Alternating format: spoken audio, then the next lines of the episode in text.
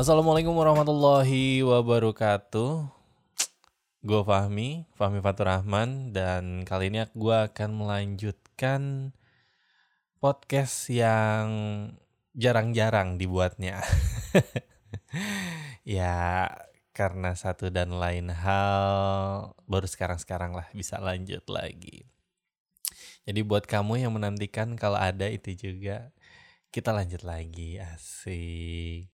Tapi sebelumnya malam sebenarnya gue udah ngasih bocoran tentang apa yang bakal gue bahas di podcast kali ini. Dan sebenarnya itu datang begitu saja Allah ketika gue lagi searching-searching di internet atau berinstagram ria.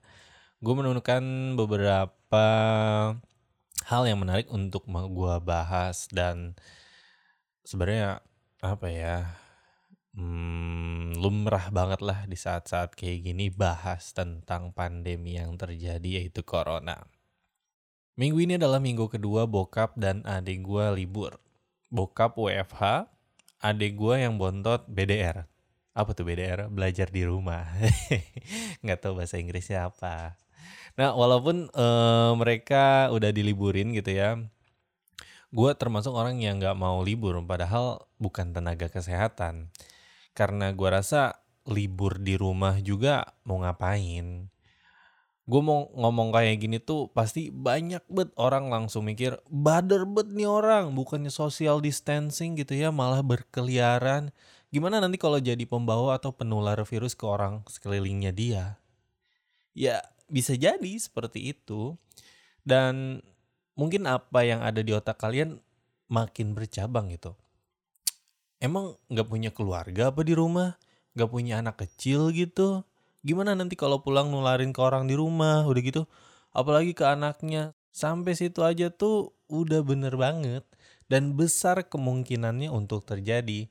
Tapi ternyata gue punya alasan tersendiri kenapa belum mau libur. Kita coba breakdown ya. Nah, gue kerja di Dinas Kominfo, salah satu daerah di Banten pen kayak penderasian banget banget gitu ya. Tugas gue sebagai IT support jaringan dan sebenarnya bupati gue gitu pimpinan tertinggi di daerah gue udah ngasih himbauan untuk kerja di rumah.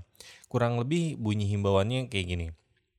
Selama kerjaannya bisa dikerjain di rumah tidak diwajibkan masuk kerja bagi wanita, ibu hamil, ibu yang punya anak, atau punya anggota keluarga yang sakit ataupun tinggal di luar daerah pemerintahan dihimbau untuk tidak bekerja aka kerja di rumah. Gitu bunyi himbauannya. Nah terus kenapa gue masih bandel masuk kerja? Ya karena tadi gue adalah tenaga IT jaringan. Dan kerjaan gue tuh bukan sesuatu yang bisa di remote pakai TeamViewer atau TeamViewer gak sih? Kayak aplikasi buat uh, ngeremote PC to PC gitu atau ya intinya nggak bisa dipantau lewat monitor gitu.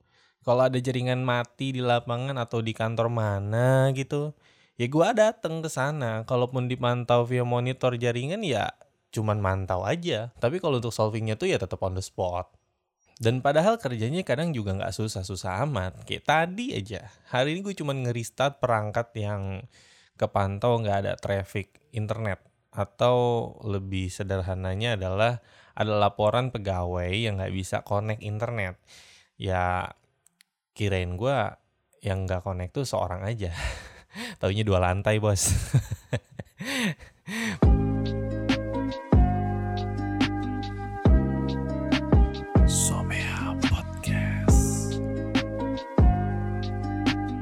Pas gue cek ke beberapa sumber internet, beberapa perangkat lain gitu ya, ternyata butuh di restart aja.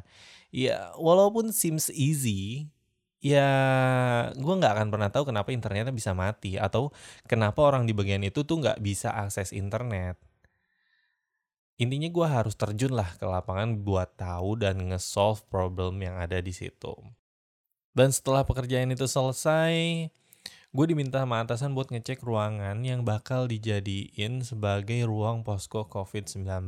Nantinya, di situ bakal ada orang-orang yang berwenang di bidangnya dan bermusyawarah untuk penanggulangan pandemi yang terjadi sekarang. Ya entah itu Pasekda, ke kepala dinkes atau dinas sosial, pokoknya orang-orang yang uh, berwenang di bidangnya dalam penanggulangan pandemi yang terjadi. Nah, salah satu kebutuhannya adalah disediain smart TV, akses point internet, switch, udah gitu juga ada kabel UTP untuk komputer, dan semua itu tuh diperluin buat kebutuhan telekonferensi sama Pak Bupati. Jadi misalnya Pak Bupatinya di mana atau ada orang yang di luar dari uh, ruangan itu pengen bermusyawarah juga bisa gitu lewat ya kayak pakai Skype gitulah. Dan yang untuk masti ini semua kebutuhan itu adalah tidak lain tidak bukan gua. Hai, sombong buat ya. Enggak lah. Dibantuin sama teman-teman yang lain. Ya gue jadi suruh sama atasan. Dan itu adalah salah satu alasan kenapa gue nggak mau diem di rumah. Gue tuh tipe orang yang mageran gitu. Kalau mm, modenya udah ke switch ke mode tidak kerja, ya mau kerja tuh bawaannya males gitu. Lagi asik-asik di rumah, lagi anteng gitu ya rebahan, main main sama anak gitu, nungguin uh, istri masak karena lapar, ngobrol sama keluarga, eh ditelepon gitu gara-gara ada keperluan kayak tadi walaupun gue berangkat nih ya, gue berangkat mungkin dalam keadaan shock ya, shock. Menggerutu dan ujung-ujungnya ya nggak ikhlas. Kalau udah nggak ikhlas ya buat apa kerja? Udah meninggalin anak istri di rumah gitu ya, yang nggak rela juga kita kerja di saat-saat kayak gini. Dan yang tadinya happy-happy tuh malah cemberut-cemberut, ditanya galak, sensi gitulah pokoknya. Bisa jadi yang tadinya gue disuruh ngecek internet, tapi karena bete akhirnya gue nggak benerin tuh internetnya. Atau mungkin nih pas gue lagi benerin ada yang nanya kenapa internetnya mati? Terus gue jawabnya nanya mulu nggak lihat apa gue lagi benerin. Bukan bawaannya atau bahkan karena bawaannya yang kurang adem nih padahal masalahnya sepele gitu ya. Tadi tuh perangkatnya cuman harus di restart aja. Uh, tapi karena ya bawaannya jadi rungsing aja masalahnya tuh nggak ketemu akar pemar akar permasalahannya tuh nggak ketemu akhirnya kerjanya nggak kelar. Sampai segitunya gitu ya maksudnya uh, ketika kita tidak ikhlas dalam melakukan sesuatu bagi gua. Nah maka dari itu gua memposisikan diri gua untuk tidak berlibur atau beristirahat di rumah padahal gue punya kesempatan yang sama sama orang lain. Tapi intinya setiap orang kan punya berbagai alasan untuk melakukan sesuatu hal melakukan sesuatu hal dalam hidupnya. Tapi yang mesti kudu dan harus banget dilakukan adalah bertanggung jawab sama setiap pilihan yang diambil. Maksudnya ketika memang harus keluar ya keluarlah dari rumah. Jangan semena-mena tanpa ada pertanggungjawaban. Keluar gak pakai masker abis megang-megang uh, entah apa yang nggak kita inget tapi nggak cuci tangan atau ngelakuin apa aja yang bikin orang di sekeliling kena imbasnya tuh ya sama halnya dengan tidak bertanggung jawab gitu loh.